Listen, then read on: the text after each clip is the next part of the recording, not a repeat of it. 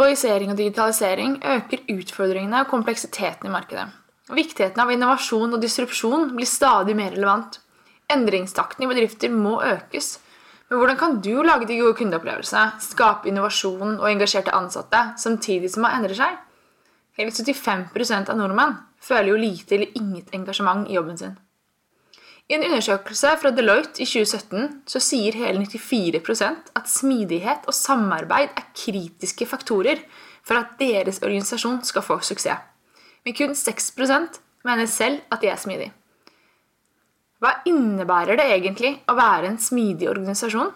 Kan alle organisasjoner bli smidige? Dette og mer ønsker vi å diskutere gjennom Smidigpodden. Vi håper å finne noen av svarene. Jeg heter Ida. Og jeg heter Tobias. Velkommen til Smidigpodden. Hei, og velkommen til episode nummer 21. Tiden flyr. Spennende Yes. ting. I dag har vi to nye gjester hjemme i studion. Det er Helena og Kristoffer fra Riks-TV som skal snakke om beyond budgeting, så det blir veldig spennende. Kjempespennende. Men eh, før vi hopper inn i det, så kanskje ta en liten sånn eh, touche innom planen. Vi har klart å lande ganske mange spennende gjester som vi kjører i slag i slag her. Det blir nesten innspilling hver eneste uke her hjemme i studion. Ja. Så det er mye å se fram mot der. Og da ønsker vi som alltid å få inn litt eh, innspill og spørsmål og andre ting. Så er det noen som har noe innspill på tema. Hva har vi da på lista i dag? Det er, vi skal ha en episode om endringsledelse. Vi skal snakke litt om tverrfaglige team. Vi skal snakke om DNB sin smidige transformasjonsreise, kan man si. Og så har vi en episode om business og enterprise agility. Jepp, det har vi. I, eh, I ånden til det innlegget du hadde, eller ikke innlegget, mer eh, foredraget. Ja, det var jo meetup her i, tidligere i uken. Ja. Så da um, Første gang jeg hadde det på uh, Zoom, eh, på video. Så litt sånn. Ja, litt rart å stå og snakke inn i, i, i, in, internettet. Intet. Det store Eh, intet. Ja, så det, men jeg, jeg opplever at det gikk bra. Mange gode spørsmål, godt engasjement. Eh, konkurrerte hardt med 30 grader varme og full sol. Eh, så Det er en vanskelig konkurrent å ha. det er en vanskelig konkurrent å ha, så det var jo, var jo full påmeldingsliste, men det Ja. var vel ikke alle som dykket opp Til og med venteliste. til og med ventelista. Så det var litt synd. Det var litt synd. Eh, eh, Men sånn presentasjonen min gikk egentlig eh, tok utgangspunkt i eh, McKinsey sin artikkel eh, 'Five Trademarks of Agile Organization'. Mm. Og litt basert på det måtte rammeverket eller den artikkelen mm. belyste litt hvordan ting er i Riks-TV. Og det er en veldig god artikkel for de som har lyst til å lære mer om om det. Ja, vi har snakket om det egentlig i en av de aller første episodene, tror jeg. Eh, så det, men vi, vi lenker den i description hvis Yep. man er interessert. Eh, så har jeg hørt noen rykter om at eh, Eller det som var, var at eh, de hadde litt utfordringer med teknologien, så det ble ikke tatt opp. Så dessverre var man ikke der, så var man ikke med. Nei. men kanskje det kommer en reprise, eftersom det var såpass stort etterspørsel på det. Får se om vi tar en, en ny runde, eller hva vi gjør. Hvis ikke så kanskje vi kan ta en liten uh, innspillingssession her hjemme. Ja, det kan godt hende at det blir uh, live fra Nydalen. Yes, men jeg tenker vi kanskje ikke skal sitte her og snakke hele dagen, even om det er hyggelig. Da vi tar inn våre gjester, som vi gleder oss veldig til. Høres ut som en god idé. Så velkommen til eh, Eller ikke velkommen til, vi hopper rett inn i eh, episoden med Helene og Kristoffer. Yes, Så her kommer den.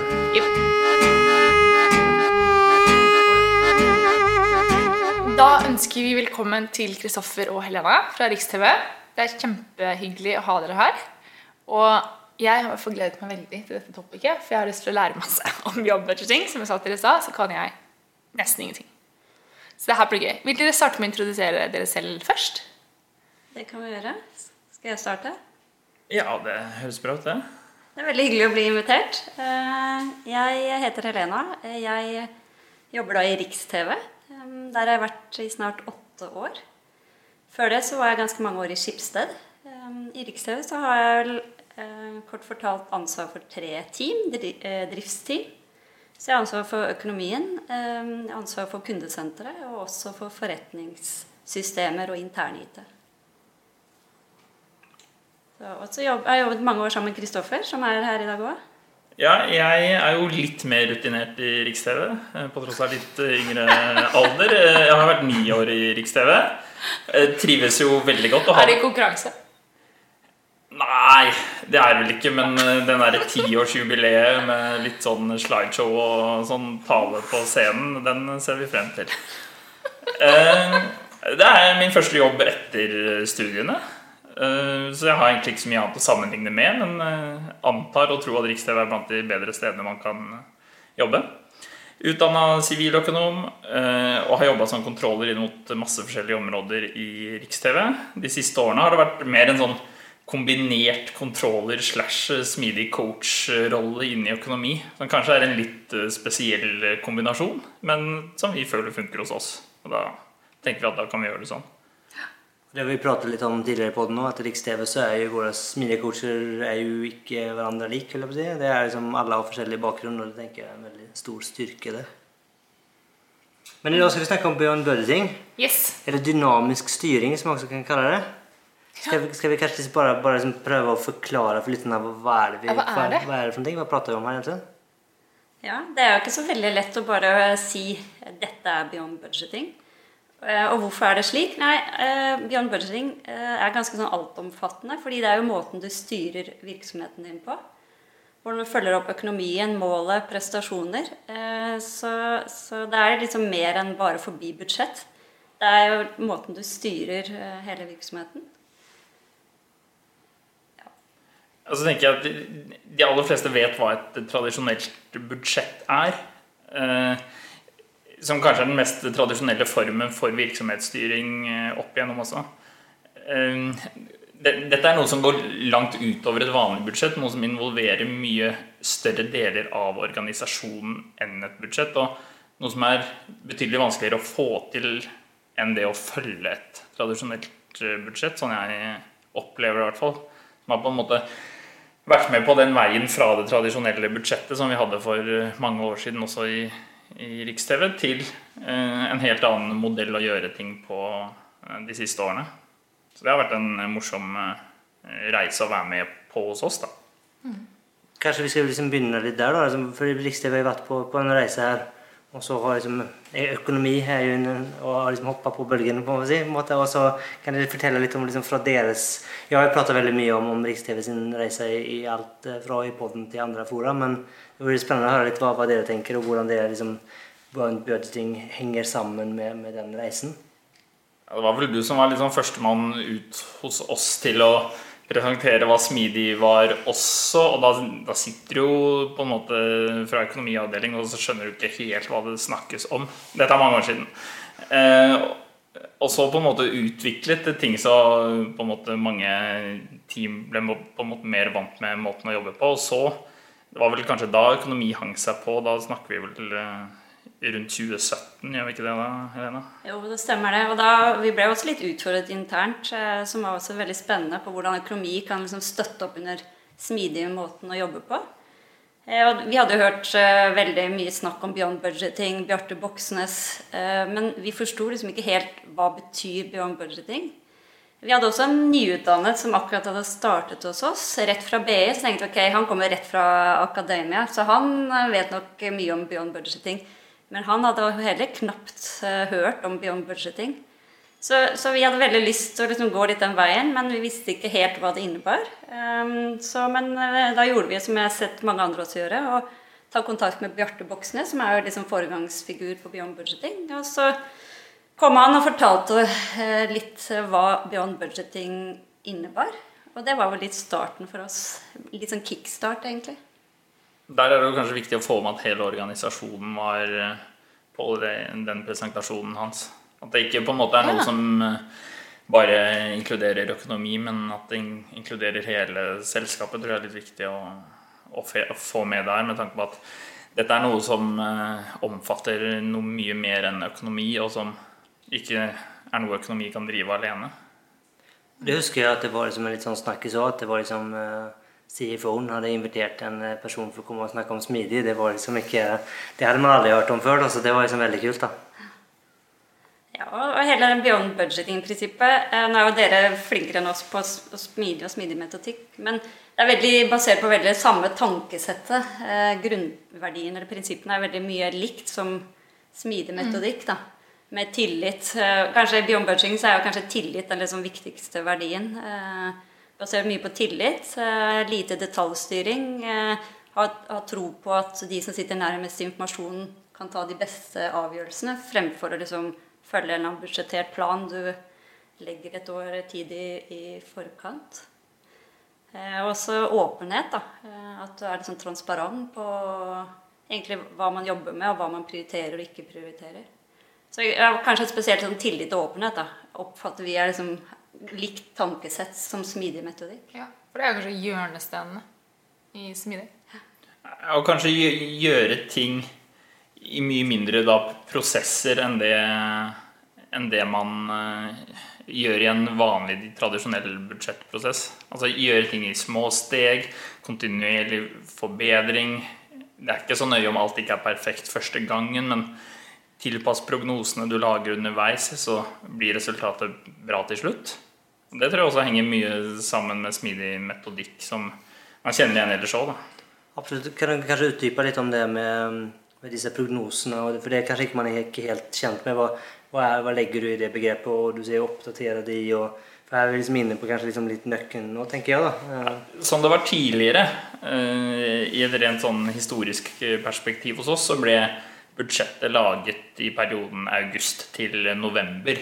Eh, hvor du på en måte begynte da rett etter ferien. Begynte de ulike avdelingene å komme med sine innspill til hva de mente burde ligge inne i budsjettet for det kommende året. Eh, og så endte dette opp med flere budsjettforslag. Man gikk noen runder i ledergruppe osv. før det til slutt endte opp i styret hvor budsjettet måtte bli godkjent eller ikke. Nå har vi gått mer over til løpende prognoser. Vi lager eh, prognoser hver eneste måned for å eh, kunne oppdatere de eh, hyppig med seneste informasjonen. Som kanskje har blitt enda mer relevant nå de siste månedene. Det var jo noe som skjedde her for noen måneder siden korona, som tvang oss på en måte til å gjøre hyppige endringer der òg. Så man er mye mer egnet til å gjøre tilpasninger til den eh, hverdagen man står i, enn det vi var tidligere. Og så er det jo sånn at prognosen, og det er veldig viktig i Beyond Budgeting, at prognosen skal ikke eh, vise tall man ønsker å få frem. Det er det målet som skal gjøre. Målet, den ønskede situasjonen. Så skal prognosen vise ærlighet. Det skal være de tallene man har mest tro på.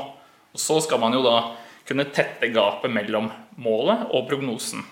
Hvis det er et stort gap der, så må du iverksette tiltak for å eh, kunne oppnå målet du har satt deg. Ja, for Det er liksom viktig. Det er jo målet du ønsker å treffe, ikke prognosen.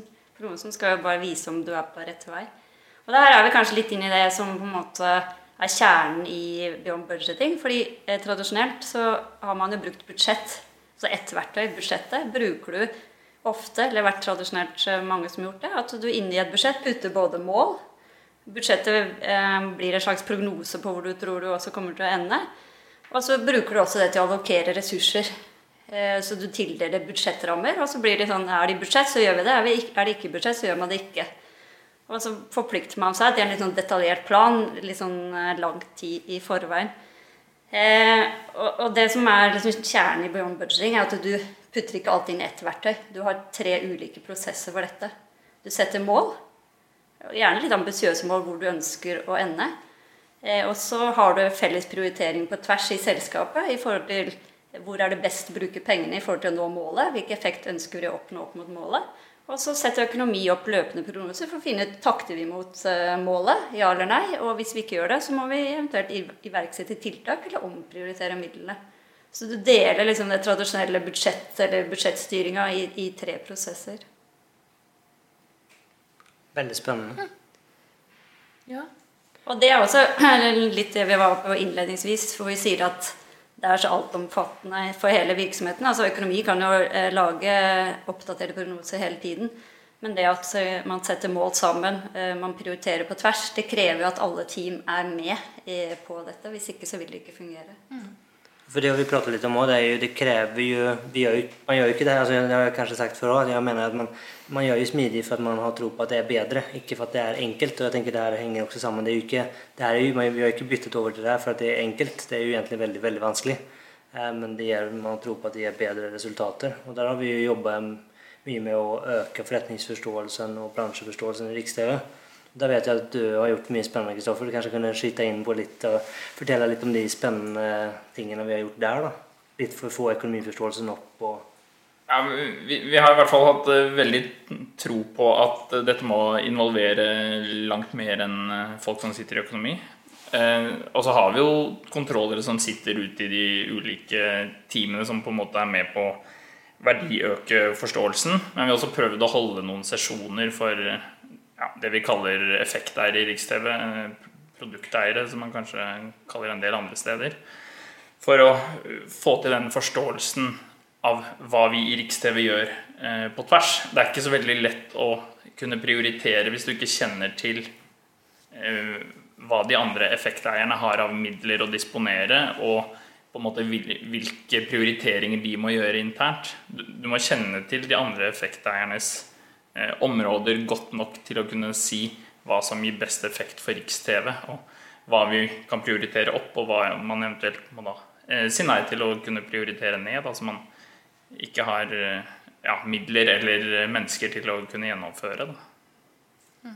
Det er veldig, akkurat det du er inne på nå er kjempeinteressant å ha den gjennomsiktigheten på tvers av team og tilliten til at da teamet tar den beste beslutningen for Riks-TV som selskap og som totaliteten, ikke kun for sitt enkelt lille team, da, som man ser i veldig mange organisasjoner, at man liksom passer veldig på seg og sitt. da. Ja, Den utfordringen har vi jo hatt hos oss også. da, og kanskje spesielt i starten, hvor man, man sitter jo med mine og dine penger, mm. og man vil seg selv vel. Og vi har mest mulig penger til seg og sitt område, åpenbart.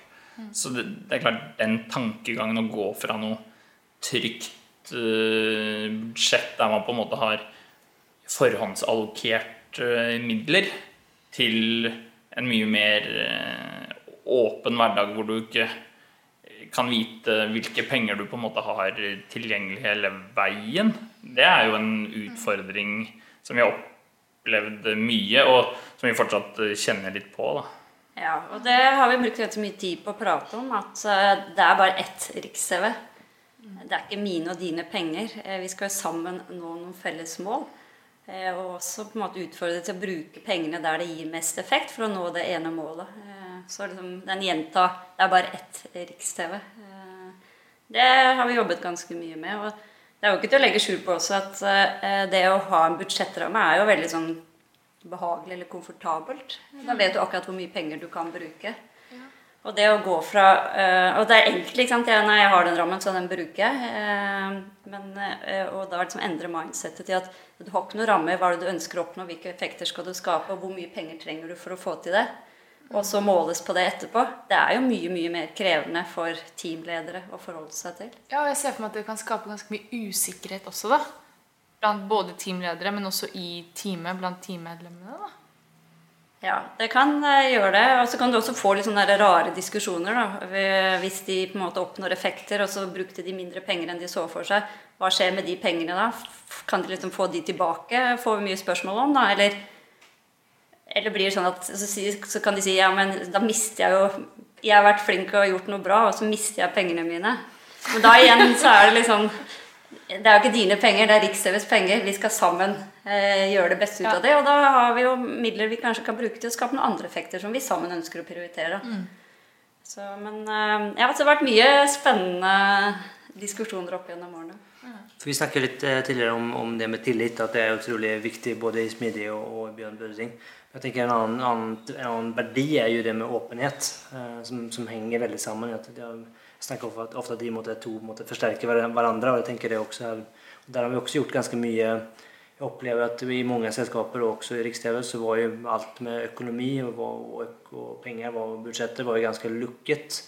Men at vi, man liksom har jobba også aktivt med, med det. Du sagt litt om, om den åpenhetskulturen og hvordan det har vært med som måtte muliggjøre i, i det her? da? Det er i hvert fall viktig for alle å forstå hva pengene går til. Hva bruker vi faktisk penger på? For stort sett er det ganske van vanskelig å forstå hvor mye penger eh, som faktisk brukes på de ulike områdene. Og det, det, skal du sitte ganske tett på for egentlig å ha et, eh, veldig godt forhold til. Så jeg tror det er viktig i hvert fall at alle eh, teamledere, men egentlig også alle ansatte, får en forståelse for hva vi velger å bruke eh, pengene våre på. Om det er markedsføring, om det er produktutvikling, så er det to veldig eh, forskjellige ting. Eh, Eller nytt innhold, for den saks skyld. Det er ve veldig vanskelig å sammenligne hva er det som kommer til å gi best effekt her. Så det er i hvert fall viktig knyttet til åpenhet og å vise tallene. Vise hva er det vi velger å bruke midlene på. Da har du i hvert fall en mye enklere bakgrunn til å kunne prioritere og, og få frem hva som er viktigst for oss. Så sier jeg ikke at det er lett fortsatt, da. Vi har jo diskusjoner, og eh, det er, det er jo vanskelig, vanskelig å si noe om fremtiden uansett. Skal du bruke pengene der eller der? Det har du jo faktisk ikke svaret på nå, da. Men det er kanskje der man tenker at der er jo budsjett, det klassiske budsjettet veldig trygt, for da er det jo kanskje noen annen som har tatt den beslutningen for deg. da. Ja, spørsmålene før var jo gjerne om ja, ligger dette initiativet i budsjett, så kan jeg gjøre det. Mens eh, spørsmålet kanskje heller burde vært er dette den riktige tingen å gjøre? Er det her vi får mest mulig effekt ut av de midlene vi, vi har tilgjengelig? Altså, før så var det også kanskje sånn uh, ja, Jeg traff jo på budsjett, så fikk man en sånn klapp på skulderen og eh, Dette var bra, på en måte, for du var innenfor budsjett. Men det sier jo ekstremt lite om faktisk prestasjon.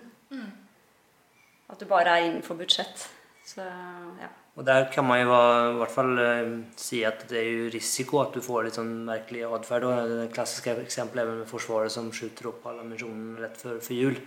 Eh, og det kan jo, den type atferd er jo lett å få hvis du har du kanskje du tenker at du får omtrent det samme som du fikk i fjor, så er i hvert fall ikke skal bruke mindre. da. Det er jo i stor grad sånn et budsjett lages, da.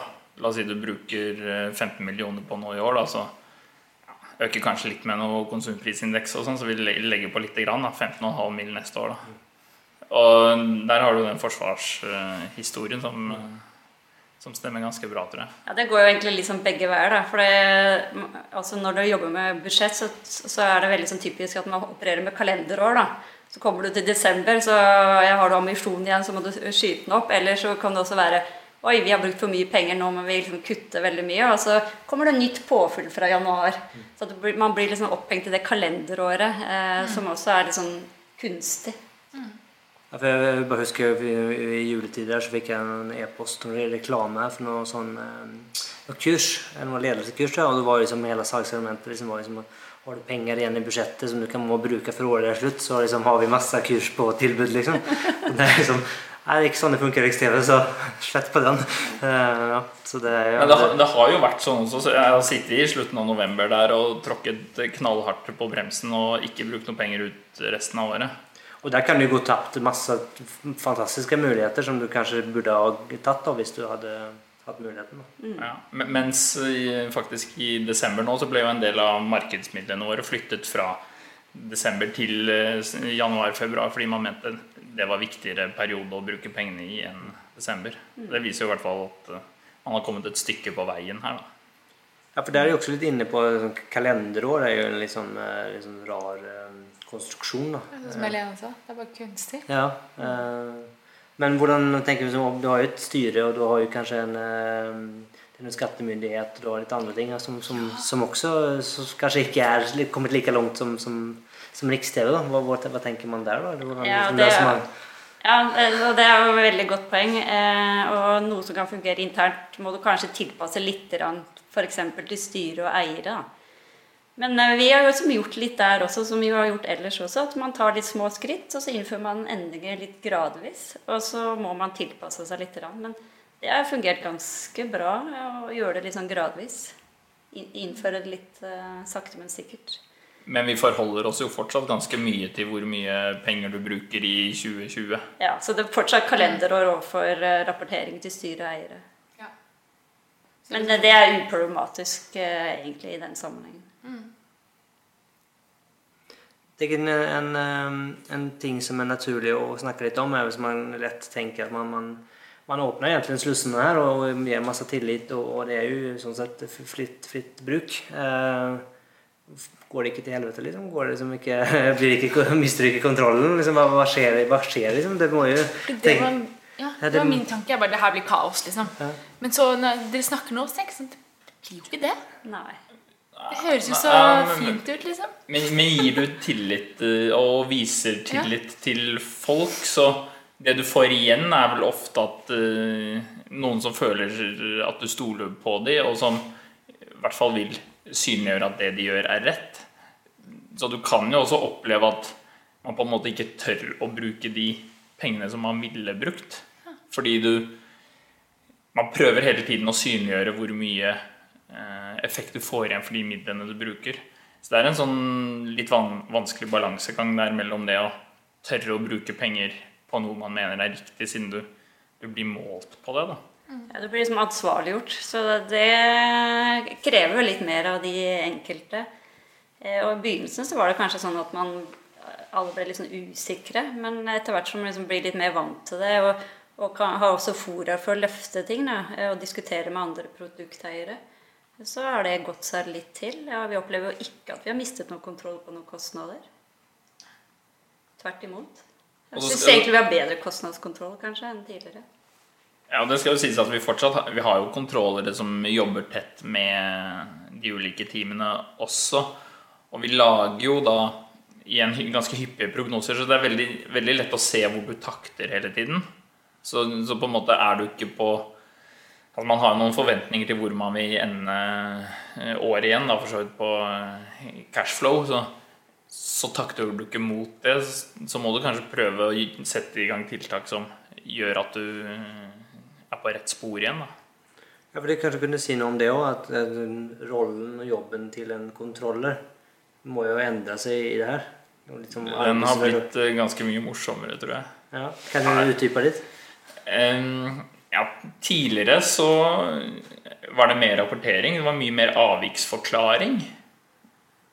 Eh, Du rapporterte jo alltid avvik mot budsjett i månedsrapporter osv. Det er ganske sånn det er ganske tung jobb å begynne i månedsrapporter å skrive om avvik og hvorfor du ikke treffer budsjettet, som tross alt er laget opptil opp til et år siden. ikke sant?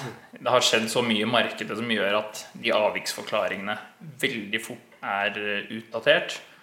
Og som gjør at i månedsrapporter da vil forklaringen sannsynligvis være den samme hver eneste måned. Fordi det, det har skjedd noe i markedet. Det kan være en avtale som er endret på. Det kan være flere kunder på veien, eller du kan ha solgt eh, dårligere enn du hadde estimert i et budsjett. Tidligere så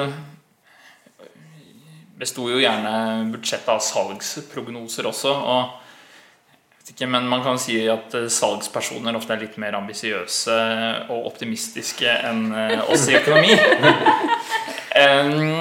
Sånn at salgstall i budsjettet ble, ble gjerne litt eh, overvurdert eh, sammenlignet eh, med det reelle. da. Og vi prøver på en måte å lage litt mer realistiske prognoser. Og så får man i dag sette seg salgsmål, da, så får du lage prognoser, og så eh, får du heller prøve å tette de gapene der. da. Så det er en eh, ganske stor forskjell sånn sett. Og så er det også en veldig Jeg opplever at dere jobber mye mer med analyser og innsikt. og liksom Det er litt mer enn enn som tidligere at det var rapportering og avviks. Så er det kanskje litt mer på eh, mer analysejobbing i dag.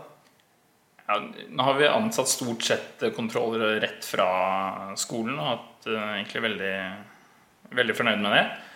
Og de, de fleste som kommer fra skolen, de, de svarer jo det. Hva er det du på en måte syns er mest morsomt? Ja, det er jo analyse. Det, det er den morsomme delen av jobben. Selv om som eh, kontroller og blå personer liker man jo eh, rutine og struktur. Så at man har litt sånn faste ting i månedsavslutning er jo kjempefint. Men at du resten av tiden får brukt det på analyse, utfordre deg litt selv og eh, være kanskje mer involvert i den eh, daglige driften av selskapet. Og så er vi jo såpass, såpass små, da, sånn at du på en måte får vært med på veldig mye av det som skjer, og analysene dine kan, kan være med å faktisk påvirke de beslutningene som tas. Det tror jeg ikke du på en måte kan oppleve i en del større selskaper.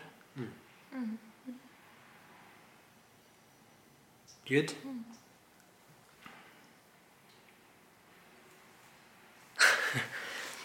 Men det, det er litt vi har snakket om, eh, om Tobias. For nå sier du det at liksom, da, hvis man er litt mindre, så kan man ha påvirkning eh, enn det man har i større bedrifter, kanskje. Hva tenker dere om beyond budgeting i liksom store selskaper? Stor skala?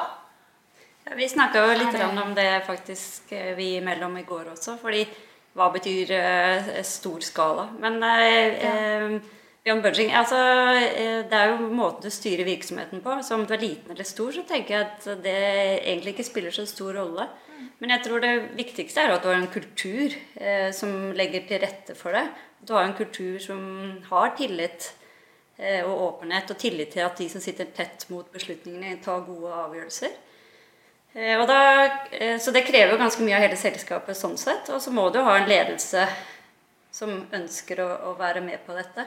Dette er ikke noe økonomi kan sitte og, og gjøre på egen hånd. Så hvis på en måte, du har en ledelse som eh, trives best med liksom, tradisjonelle budsjetter, så er det jo litt vanskelig å gjøre dette. Så jeg, så jeg tror liksom det er kulturen i selskapene og hvor åpen man er for å gjøre ting på en annen måte, da, eh, har ekstremt mye å si.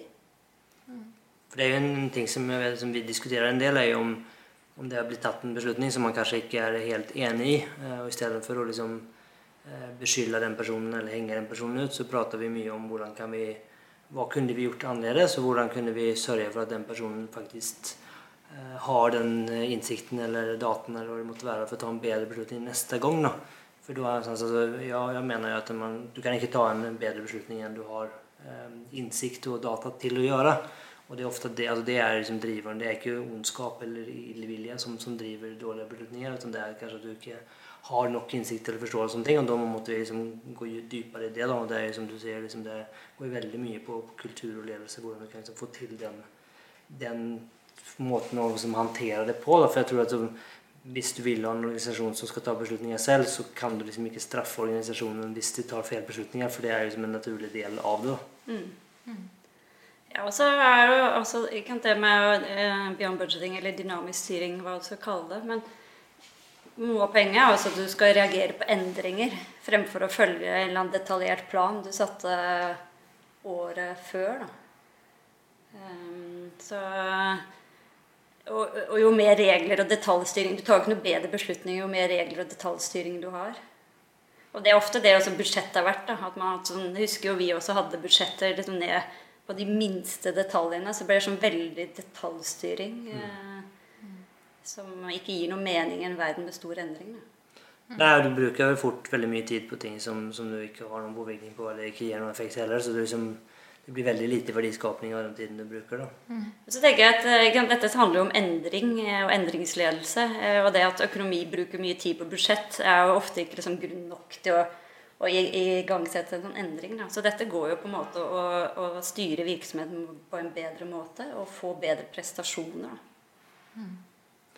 Om man tenker at man syns at det her høres spennende ut, og så vil man liksom starte, starte selv. Eh, har dere noen tips? Hva, hva, hva gjør man? Hvor starter man? Hvordan kan man gå til verks? Hvordan- Hvilke hindringer ser man? Hvordan kommer man ut på Jeg tror i hvert fall at eh, det var viktig for oss å få noen utenfra til å prate om det. Til å på en måte selge det litt inn.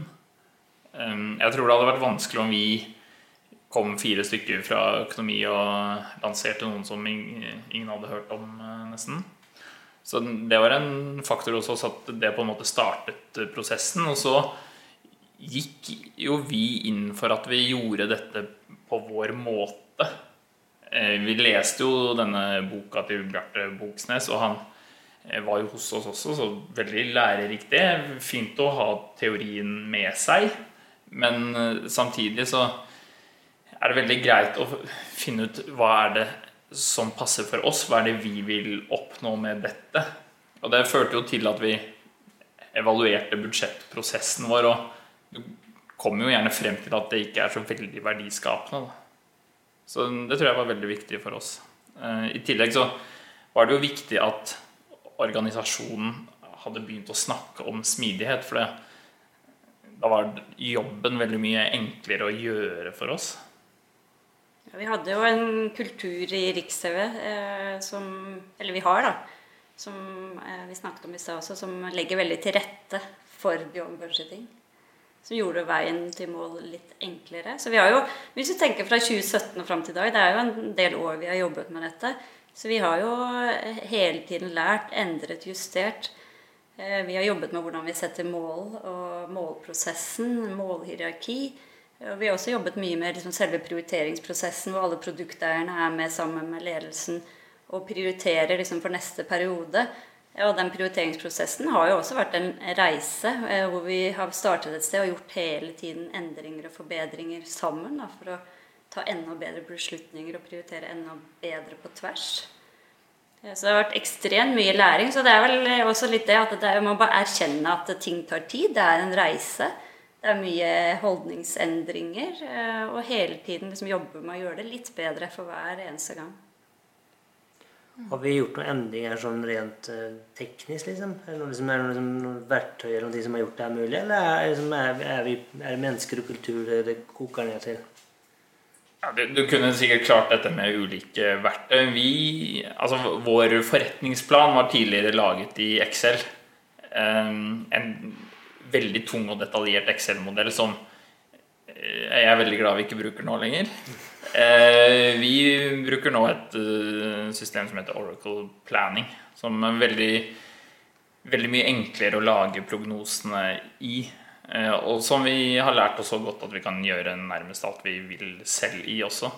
Så for, for oss har det vært viktig, i hvert fall på økonomibiten av det. da. Men henger det litt sammen med at du har løpende prognoser? For du, du jobber jo mer med tallene enn hva du kanskje gjør ellers i mer klassisk budsjett. Som det er Ja, kanskje litt men- mer sånn fire and forget. eh, Nå, nå oppdaterer du jo prognosen når du får ny informasjon.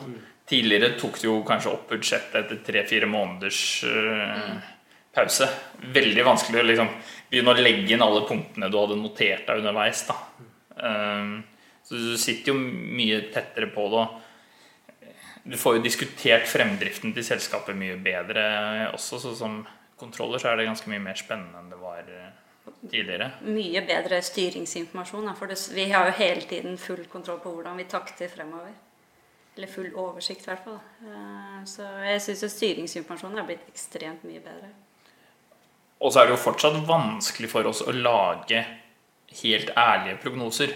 Det er jo vanskelig å sitte der i, i midten av mars og så ja, hva skal vi legge inn av nysalg eh, fremover etter at korona har slått inn? Det er, det, er jo, det er jo fortsatt forutsetninger du tar, men du prøver å ta så riktige forutsetninger som mulig basert på det eh, tallgrunnlaget du har. da. Ja, så det vi også har jobbet mye med, er jo å lage prognoser som er mye mer aggregerte. Eh, Fordi man erkjente ganske raskt når vi så på budsjettprosessen at du får ikke noe bedre eh, prognose eller takt på hvordan du takter ved å gjøre det ekstremt detaljert. Så du, vi eh, opplever at vi får ganske god oversikt med ganske aggregert eh, prognose med lite detaljer. Som også gjør det mye mer smidig hvis du kan si det sånn, å oppdatere prognosene løpende. Du tenker liksom De interne feilmarginene tar vel kanskje litt ut hverandre òg, når det liksom ikke er så detaljert. Også, at liksom, så på overordnet så runder det liksom av seg, og så, så er det liksom ikke, det er ikke så nøyaktig hva det som slo inn i en eller annen retning. Ja, det er jo litt unødvendig å få spørsmål fra styret om eh, hvorfor brukte du mer enn budsjett på reisekostnader. Ja, vi hadde vel behov kanskje for å reise mer enn vi forutså i budsjett, da. Eh, og så er det på en måte Hva la du inn i budsjettet? Hvilke forutsetninger la du inn i budsjett for et år siden? Det sitter jeg ikke og husker nå et halvt år etterpå, på en måte. Så eh, å- få de spørsmålene er ikke heller så veldig verdiskapende. da. Det er liksom greit å løfte blikket litt, eh, litt i, i hvordan virkeligheten ser ut. da. Absolutt. Good. Hva tenker du, da? Er du, sitter du brenner du inne med noen spørsmål? Jeg har, to, jeg har en quiz Du har en quiz? Oi! ja, som jeg egentlig skulle starte med. Det er, det er bare to spørsmål i quizen min. da. Fredagsquiz? Det er fredagsquiz. Jeg tenkte egentlig jeg skulle starte med den, men nå blir det på slutten. da, på tampen. Vet, Hvor gammelt er liksom, Når ble budsjett oppfunnet? For mange år siden. Hvis, vet dere det? Ikke peiling, men altså, her må vi snakke eh, altså, mange hundre år, sier jeg. Altså. Jeg ville også tenkt det. Sikkert at, enda eh, mer enn det òg. I hvert fall, ja, sikkert mer enn det òg. Ja. Den formen vi kjenner i dag, så er det faktisk bare 100 år siden. Vet dere hvem som fant opp budsjett? da? ja, Det har vi jo kasta ut av vinduet, så det kan vi ikke svare på. McKinsey. McKinsey. Ja, ikke sant? Han har hatt mye penger på de greiene der. Og det skal jo sies da at budsjettet har mye bra ved seg. Og det er fortsatt mange som styrer ved det. Og mange av prinsippene i et budsjett bruker man jo fortsatt. Så det er jo ikke sånn at det er bare gærent å bruke budsjetter. Det tror jeg vi er ganske klare på alle sammen. Men det, og det jo, snakker jo også Bjarte Boksnes litt om, at det har vært ekstremt mye innovasjon på veldig mange områder eh, på ledelse. Men vært veldig lite innovasjon på eh, hvordan du styrer virksomhetene. Så liksom, budsjett har ja, som du sier, vært over 100 år. eh, Og veldig veldig mange som bruker det. Så det har vært ganske lite innovasjon på akkurat på det området. faktisk. Och det tror jeg vel alle kan være enige om, at endringstakten er ganske annerledes i annorledes Og och er ganske annerledes enn hva vad det var for 100 år siden. Så det er liksom kanskje på tide å prøve ut noe nytt og tenke litt nytt der òg. Mm. Helt enig. Gud, med det så tenker jeg vi kan hoppe over til de siste fem spørsmålene. Skal du ta de som starter som vanlig, Ida? Ja. Den første er Hva ville dere fortalt 20 år gamle dere selv? Kan dere velge hvem som skal starte? Her, her kan du tenke liksom i livet stort, men det kan jo også liksom på, på budsjettopicen. Jeg vet ikke, ny 20 år, det er midt i studietiden. Ja, det er, det er jo bare 15 år siden, da, tross alt. Men eh, den gang var jeg ganske sånn eh, stille, forsiktig type. Som kanskje ikke sa alltid det jeg mente. Jeg tror vi må ha litt med å tørre å si fra. Tørre å ta litt eh, sjanser. eh, liksom ta litt større plass enn man gjorde da. Jeg tror det er viktig at man tør å ta litt plass i og Kanskje bruke litt spisse hvis det trengs også. Uten at jeg kanskje kjennetegnes veldig for det. Ja, jeg tenkte litt på det også. 20 år gammel meg. Nå er det litt flere år siden jeg var 20 enn Kristoffer. Men eh, jeg er liksom usikker på hva slags råd jeg ville tatt imot fra meg selv når jeg var 20. Men, eh, men eh, ja, jeg tenker kanskje at eh, hvis det hadde vært mulig å gitt et råd da, eh, i forhold til at man kanskje på den tiden var litt usikker på seg selv, og kanskje litt vel opptatt av hva andre sa og syntes og mente, og har liksom større tro på seg selv. Men den tryggheten kommer jo også kanskje litt med årene. Men eh, ja. Kjempebra. Neste spørsmål. Hva tenker dere kjennetegner en god leder? Vi snakker mye om ledelse, men vi har kanskje ikke vært nede på detaljene, så nå har du muligheten å Ja, dette er jo litt skummelt når Helena sitter her og er nærmest leder i mange år, ikke sant? Men eh, nå har vi hatt sånn medarbeiderundersøkelse, og vi har vel medarbeidersamtale her om eh, halvannen ukes tid eller noe. Du må ta den nå. Ja, så får, jeg får jo veldig bra score av meg der, altså det er ikke så skummelt. Nei, men eh, jeg tror det å kunne ha tillit eh, til medarbeiderne tror jeg er kjempeviktig. Ikke bare eh, resultatfokus, men det å kunne stole på de ansatte og kanskje tro det beste om folk. Og kunne utfordre andre tror jeg er veldig viktig som en god leder. Det gjør selvfølgelig Helena med meg, så da er forholdet vårt eh, helt på topp. ja jeg er veldig, veldig enig i det du sier. Eh, Jeg syns også det er viktig å gi tillit. Å Og få tillit. Eh, Og så syns jeg også det er viktig å være tydelig. Eh, Jeg syns det er vanskelig å ha en leder Skulle hatt en leder som var utydelig. Er også kanskje noe med å være til stede også. Jeg prøver også prøver i hvert fall på det selv, å være litt til stede. Ja, så ja, tillit, tydelig, til stede. Og så har vi neste spørsmål. Det er jo Hva vil du gi som tips de som ønsker å etablere en mer smidig kultur? Vi kan jo bytte ut smidig kultur med tips til de som ønsker å starte med beyond budgeting. Sånn raske. Vi var jo litt inne på det i stad, Ja, ja. Jeg tror det er lurt å prate med noen som har i hvert fall gått den veien før.